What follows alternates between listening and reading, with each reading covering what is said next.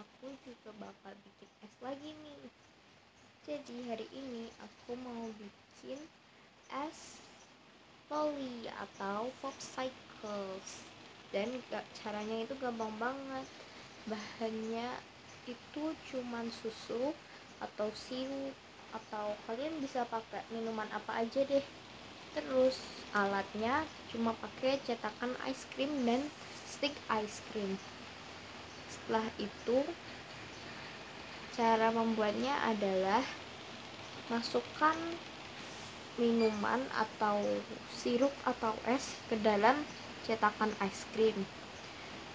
Letakkan tusuk ice cream atau ya letakkan tusuk ice cream ke dalam cetakan ice cream. Setelah itu masukkan deh ke freezer. Tunggu sekitar 2-5 jam ya guys dan selamat mencoba. Popsiclesnya sudah jadi guys. Rasanya seger dan dingin. Selamat mencoba guys